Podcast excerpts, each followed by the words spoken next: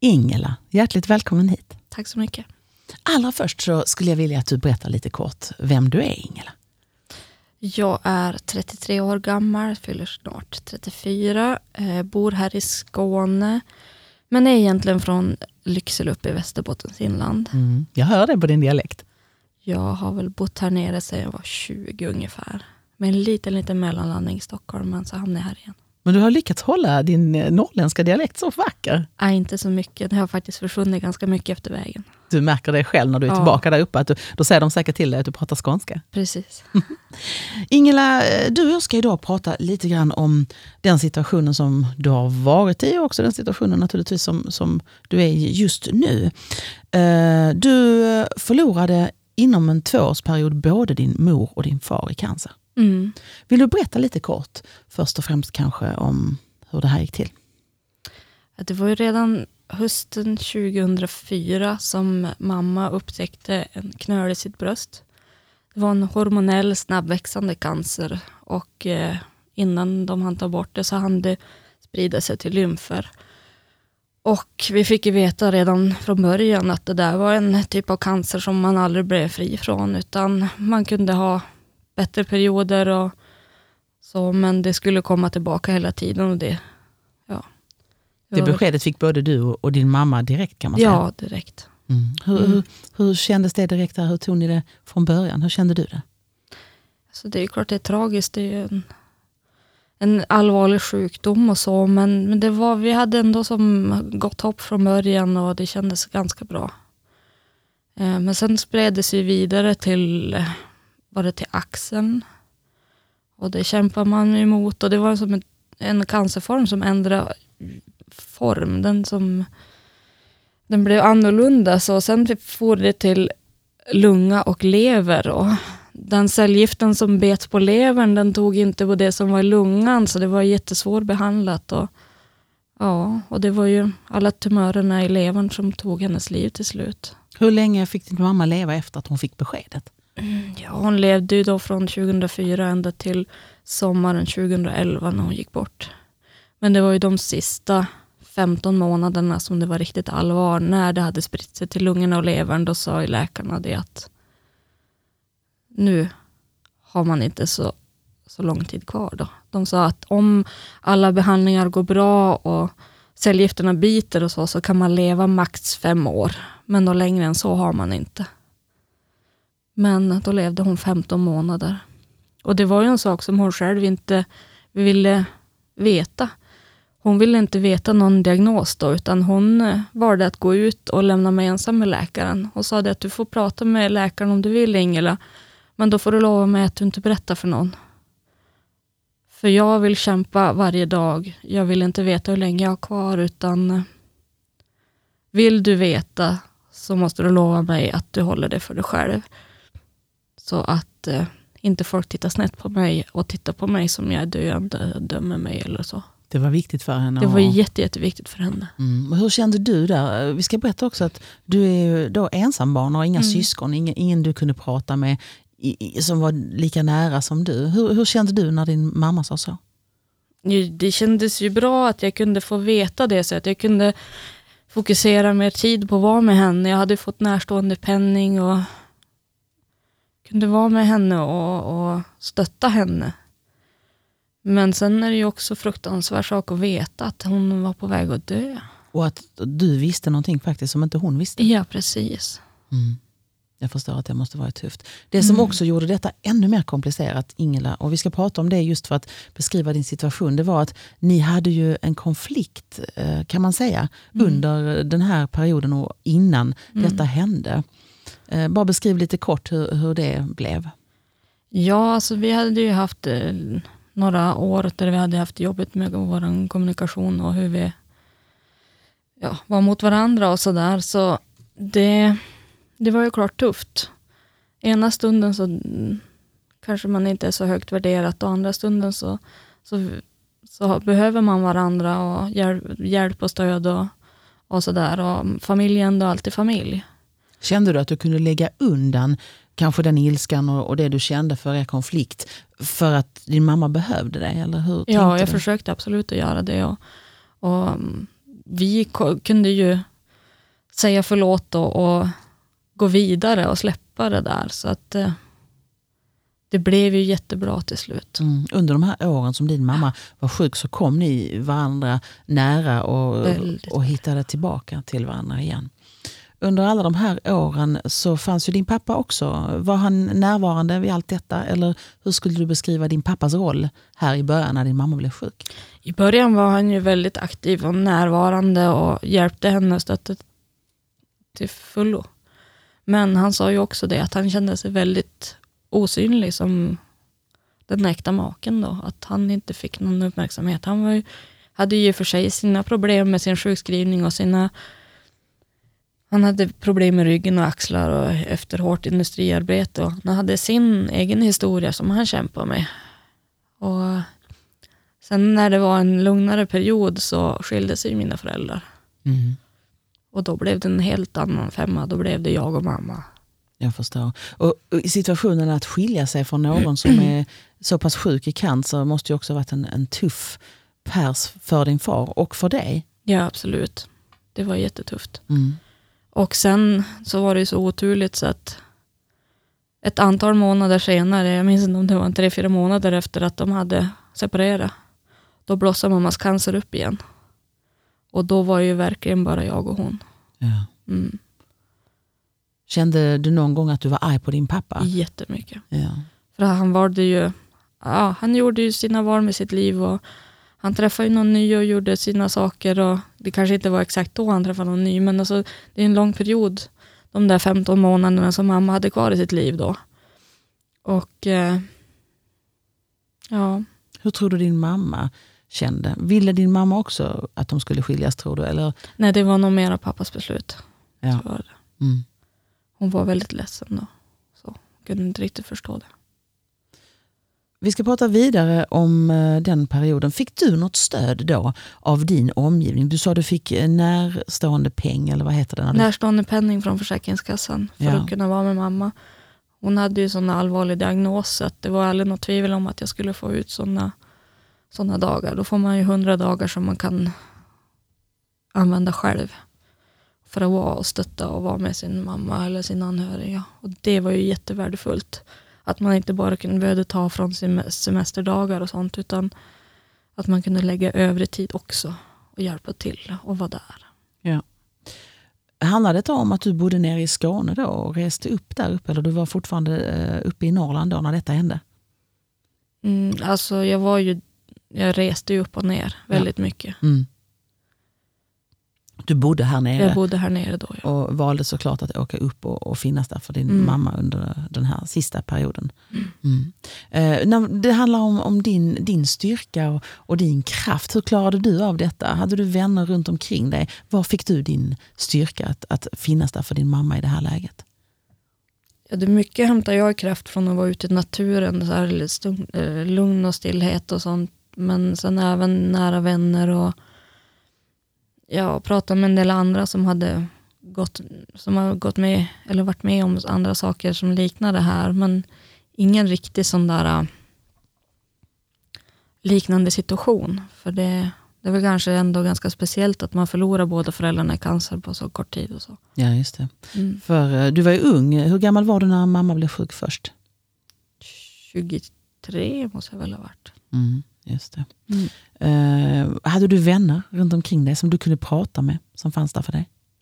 Ja, en del. Men sen är ju många så mycket inne i det här unga livet, ut och festa och göra saker. Så att det kändes som att jag levde ändå ett liv för de som var mycket äldre på något sätt. Att jag kunde söka mig till andra som var äldre, som hade liknande erfarenheter för att kunna ha ett meningsfullt samtal och sådär.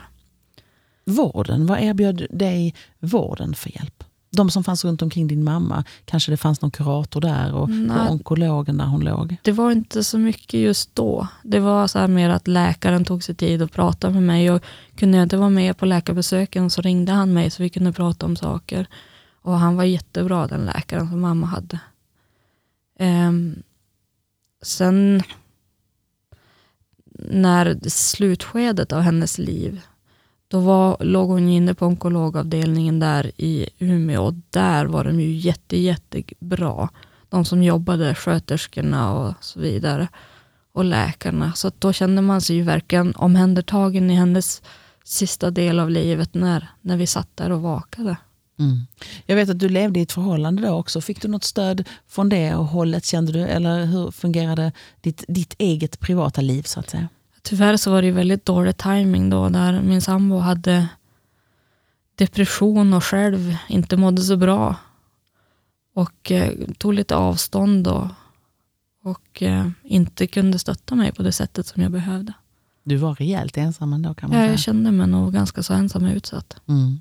Jag vet att du nu bland annat, och det ska vi prata mer om senare, är ambassadör för cancerkompisar. Mm. Men eh, om du hade fått lov att önska under den här perioden, första perioden, när du är ensam med din sjuka mamma och din pappa och mamma har skilts och det är en dålig relation däremellan, både dig och din far och kanske mellan mor och far också. Vad hade, vad hade du önskat då? Hur hade det kunnat se ut annorlunda? Ja, men, jag vet, det är lite svårt att säga vad man hade önskat, men att folk hade visat mer genuint intresse om och inte bara fråga hur det är och inte förvänta sig ett långt öppenhjärtligt svar, utan att de verkligen hade brytt sig och vilja prata med en och veta och kunna erbjuda sitt stöd. Och man kanske inte behöver säga så mycket specifika saker, utan bara finnas där bara säga det, komma förbi med en fika eller bara ge en, en kram eller vad fan som helst. Är folk Bara rädda för små det? saker, jag tror det. Mm. Och jag vet någon period hade jag en kollega som, som jag verkligen kunde prata med och det var verkligen så här, de dagarna jag behövde ha en kram så gick jag till henne och sa du, Anna-Lena, nu behöver jag en kram. Men eh, hon slutade ju på mitt jobb, hon försvann. Men vi håller ju kontakten, hon har väl blivit som en lite stora syster för mig efteråt. Mm.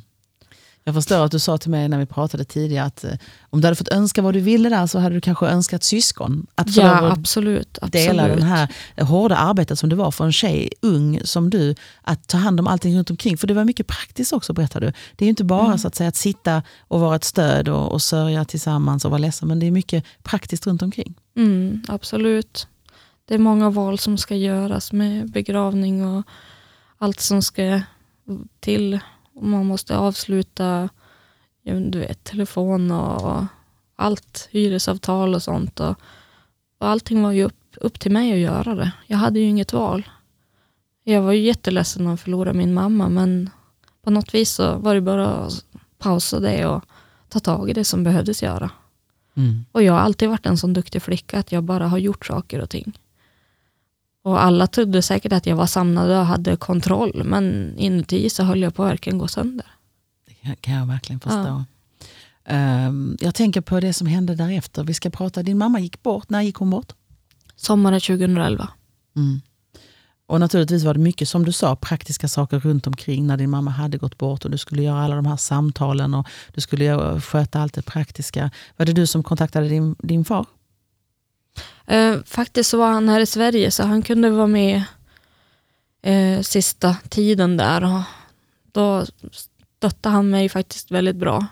Han hade ju svikit mig lite grann och gjort lite dumma val, men just där och då så var det som tur att han kunde ställa upp och det kändes väl på något vis som att vi knöt ihop säcken med vår lilla familj ändå, för det var väldigt, väldigt lyckosamt för både mamma och pappa och mig. Att vi kunde tillsammans vara där då. Och fick det slutet? Ja, för det var väldigt fridfullt slut på mammas, när hon gick bort. Ja. Mm. Efter detta så kämpade du vidare, åkte tillbaka till Skåne igen, Mm. fortsatte arbeta här. Ehm, berätta vad som hände sen. Ja, alltså. Jag var ju först och främst sjukskriven en liten period, för jag hade ju inte sovit något mycket. och Så, så jag försökte ta tag i allt som skulle göras och jobba och försöka komma tillbaka. Och sen så, nio månader efter mamma gick bort, så ringer pappa mig från en knastrig lina från Thailand och säger att Sätt dig ner Ingela, eh, jag har något viktigt att prata med dig om. Jag är på sjukhuset och de misstänkte först att jag hade fått en stroke. För jag hade så svårt att prata och mitt ben fungerar inte. Men nu är det så att de har hittat en stor hjärntumör. De ska operera mig akut imorgon. Mm. Det var ju verkligen som någon sparkade bort benen för mig och sparkade mig i magen. Jag förstår det. Och det, var ju, det fick jag ju veta ganska snabbt också då från läkarna där borta att det var en elak typ av tumör och han skulle inte leva så länge. Så andra gången fick jag veta att jag hade en förälder som skulle dö. Mm. Det var inte lätt. Det tog verkligen på krafterna. Att liksom möta det här en gång till. Ja. Jag vet många jag har pratat med säger just det att när de har gått igenom en sån här tuff grej som du då precis hade gjort med din mamma så tänker de det här hade jag aldrig klarat en gång till. Och det var precis så det blev för dig. Mm. Och då tror jag faktiskt att sjukvården var lite jag vet inte om jag, om jag störde deras sätt att vara lite sådär, för jag var väldigt, väldigt rak. Jag ville ha svar på alla saker, jag ville veta hur länge han skulle leva, hur förloppet skulle vara och verkligen så. Och det är klart, jag förstår nu efterhand att det var ju svårt för dem att svara på. Men för mig som höll på att gå sönder av, av situationen helt enkelt. Jag ville veta hur länge jag behövde hålla ut innan jag kunde bryta ihop. Jag förstår. För det är så människor fungerar, eller hur? Ja. Man, man står ju där och, och kämpar och folk tycker man är duktig. Och Mm. man är ju inte duktig, man, man gör ju bara det som man måste. Precis. Hur eh, blev det här nu? Berätta om den här tiden med din far eh, medan han var sjuk. Mm, ja, men han hade ju fått en elak hjärntumör som den hade ju fått fäste med vid talcenter och, och den rörelse och den var ju en sån som spred sig och växte så här invasivt tror jag det heter. Eh, och han opererades ju och han strålades och Kom han till samma ställe som din mamma hade legat på? I ja, det gjorde han till slut ja. ja. Ehm, och nu tappar jag bort mig helt. Kunde, kunde du möta din, då vet du att din far var opererad och som du sa så skadades hans talförmåga. Ja, precis. Ja. Så det måste varit svårt för dig att kunna, det gick inte att kommunicera med honom. Nej, alltså han, han kunde prata lite grann men det var väldigt ryckigt och stötvis. Och, ehm, hans hjärna var ju väldigt svälld periodvis och det gick inte alls. Det gick lite upp och ner det där. Ibland så tryckte det så mycket så att han var sängliggandes perioder och ibland kunde han vara ute och gå med rollator och sånt. Men han var ändå en ung, pigg, frisk man på typ 53 år. Eh, och säg han bara försvinna, min pappa försvann och där var en gammal gubbe som, som behövde hjälp med allt. Det var som att man började sörja att han försvann men han var ändå där. Men ändå inte. Alltså det, det var så jättekonstig känsla. Och där var ju egentligen jag i en, en, en tid när jag hade behövt någon annan som tog hand om mig. Och så var jag återigen tvungen att bara ta fram den här duktiga flickan och ta hand om honom. Och hans dåvarande fru gjorde ju saker och ting inte lättare så att det var ju det var en tung period. Fanns det folk runt din far då alltså, på sjukhuset som kände till din tidigare situation och kunde hjälpa dig och stötta dig? Hittade du något stöd hos någon där inom vården, sjuksköterska, läkare eller någon psykiatriker eller någon runt omkring? Alltså, jag pratade lite grann med kuratorn där som, som hjälpte pappa, men hon hade ju så mycket att göra med, med andra saker. Hon fick hjälpa han praktiskt med massa saker. Alltså som skulle söka efter någon lägenhet eller något boende eller sådana saker och han skulle få hjälpmedel för att klara sin vardag och det skulle vara allt möjligt. Så att eh, ja, hon hade till och med en praktikant som studerade för att bli kurator som hjälpte henne. Och hon hade väl mera tid att hjälpa pappa men mig fanns det inte mycket tid över för. Jag hade ju tur att jag hade min egen kontakt här nere i Skåne, en psykiater som, som hjälpte mig. Ja. Utan henne vet jag inte hur jag hade klarat allt det här. Du måste berätta om henne, för hon eh, hade ju följt dig länge kan man säga så. Ja, absolut. Gudrun och jag har haft, vi har känt varandra i många år nu. Och jag har gått till henne regelbundet och, och fått stöd. För det har ju varit en väldigt tung period och med det här med sjukdomarna och även konflikter med föräldrarna och allt som har varit. Jag har haft stora sömnproblem och drömt väldigt mycket och gått i sömnen. Och, så hon har hjälpt mig mycket på den biten. Och hon har blivit en väldigt, väldigt betydelsefull person i mitt liv. Mm. Tror du det är viktigt att man åtminstone hittar en som kan stötta en när man nu är den här duktiga flickan som, som ska Absolut. klara av allting? Mm, man klarar inte av allting själv. Man måste någon gång be om hjälp och ta emot hjälp. Fick du höra åh vad du är duktig och vad du kämpar? Och sådär? Ja, visst fick jag det. Vad tänkte du då när du hörde folk säga så? Ja, ni skulle bara veta hur jag egentligen mår. Mm. Under den här perioden så hade du haft den här konflikten med din far också. Det var ju svårt att, att möta honom men du säger att du såg att han ville prata och be om ursäkt för uppförandet. Berätta lite om det. Ja, alltså han, han ville ändå be om ursäkt och ändå försonas lite grann. Det syntes ju på honom att han hade ångest över saker. Och han försökte skriva ett litet brev till mig men det var som att en treåring hade suttit och kladdat på ett papper och han blev så jäkla förbannad och knölade ihop den och slängde den på golvet. Och han försökte säga förlåt, mm, alltså använda sin röst men det gick inte så mycket bättre. Så han bara höll om mig och grät jättelänge. Var helt blöt på ryggen när vi släppte varandra där men det var i alla fall en viktig del. Kunde du känna att, att ni någonstans försonades där i allting Ja, lite grann i alla fall. Det var en viktig sak. Och den lappen som han knölade ihop och slängde på golvet, den tog jag om hand om och tog till jobbet och laminerade. För den tänkte jag att den kommer bli viktig en dag. Mm, det kan jag tänka mig. Ja. Du hade börjat pendla igen, du var ju tillbaka i Skåne och så blev det samma sak för dig en gång till. Ja, precis. En sak som, det har ju tärt på ekonomin det där. Inte jobba så mycket, både på grund av närstående penning, att man får mindre betalt och att jag blev ju sjukskriven lite grann för att jag, ja, vad kallar man det, utmattningsdepression och sånt där och reser hit och dit så att eh, det kunde man ju ha fått lite hjälp med, tänker jag, mm. ekonomin. Jag kan tänka mig att vården är inte riktigt eh, förberedd på att en person ska hamna i, i den här sitsen två gånger efter varandra på det Precis. sättet som du gjorde. Mm. Mm. Eh, om vi tittar till din far, hur länge levde han efter han hade fått reda på att han hade denna allvarliga hjärntumör? Det var ju 15 månader det också.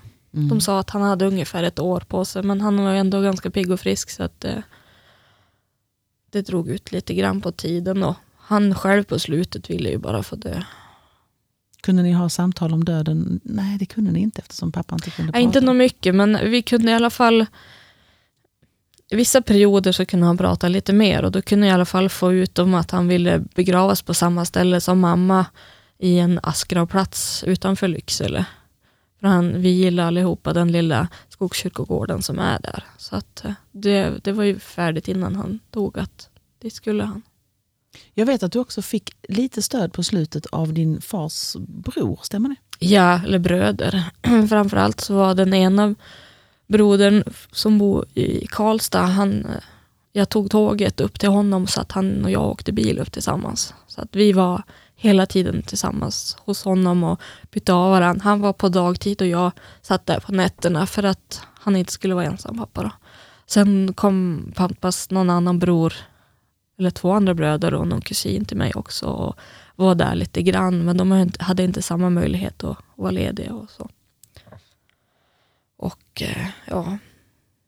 Efter 15 månader så somnade din pappa in. Var det en lika fint avslut som det blev för din mamma? Nej, absolut inte. Det var väldigt stora kontraster där. Det... Hans hjärntumör gjorde ju att han inte kunde prata, han kunde inte röra kroppen. Och... Han hade väldigt ångest, han hade väldigt ont. Sista veckan så hade han jättestora eller jättestora, det var så fel att säga, men han hade sådana andningsuppehåll och när han skulle komma igång så var det väldigt problem för det var slem i lungorna och sånt. Så det blev så, så, det blev så olustigt över det hela. Och läkarna visste ju inte så mycket för det var egentligen så att tumören hade blivit så mycket större. De visste inte egentligen vad det var som försatte han i det tillståndet.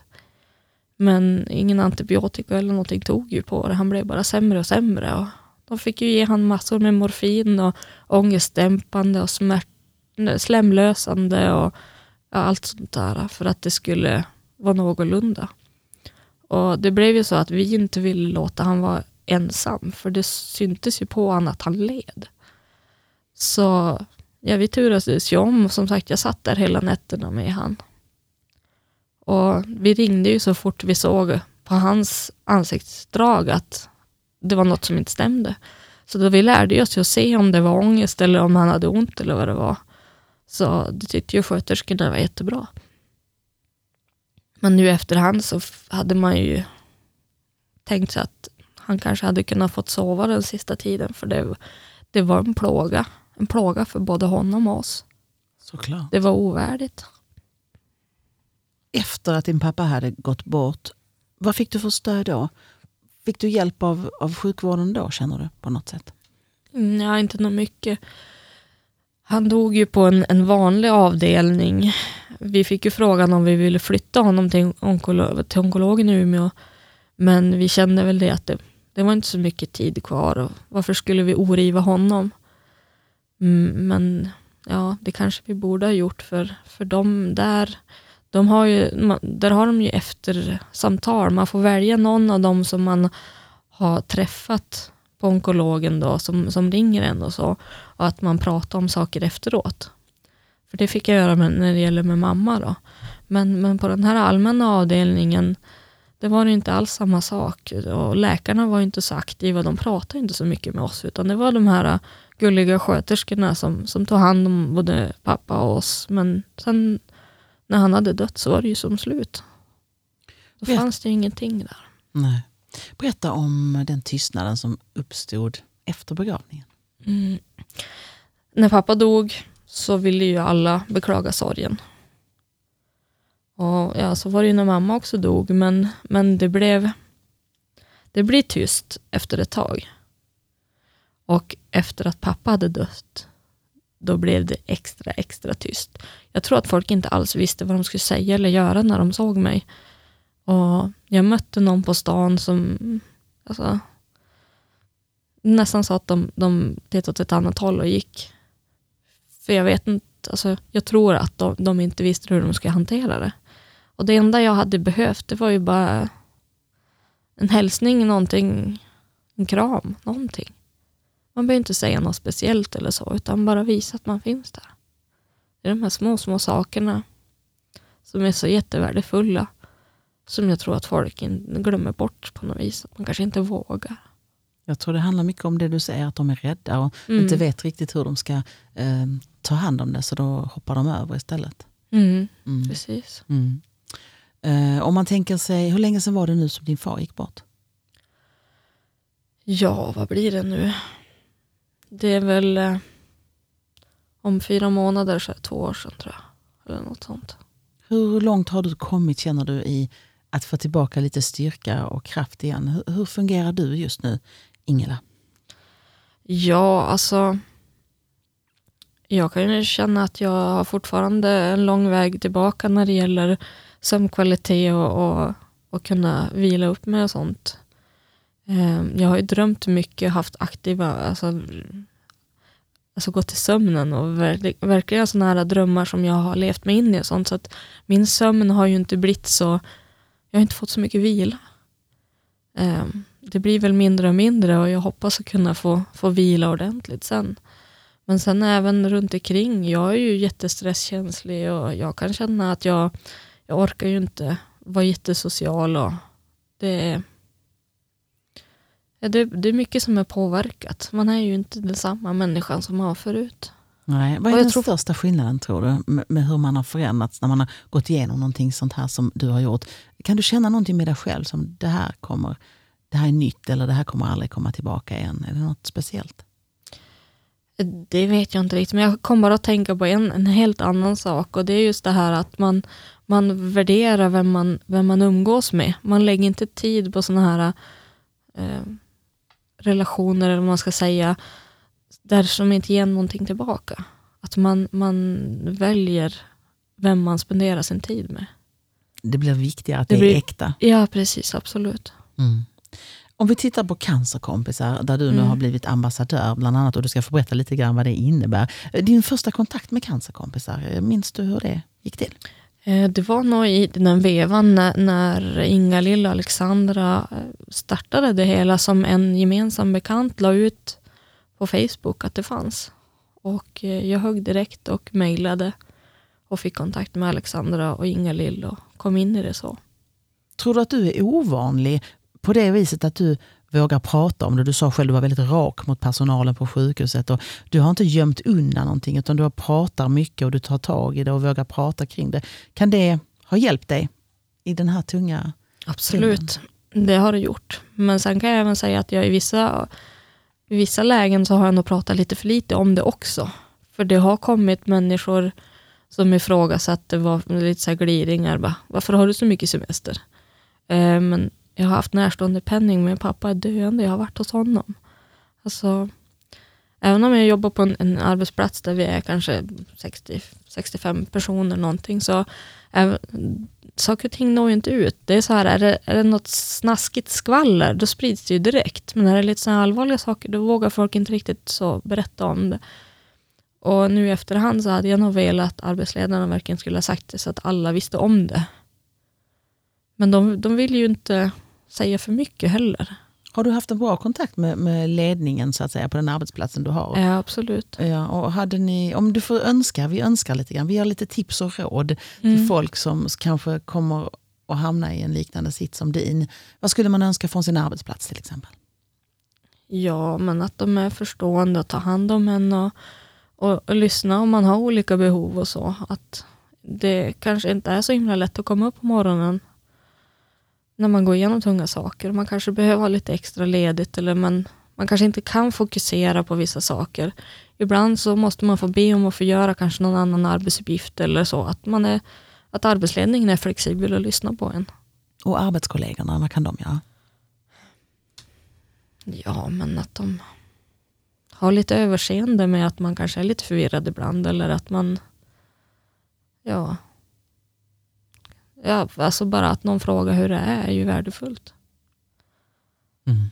Om vi tittar på cancerkompisar, du kom i kontakt med Ingela och eh, Alexandra och där fick du chansen att prata med andra som hade sam, var i samma sitt som dig. Berätta lite om hur det gick till.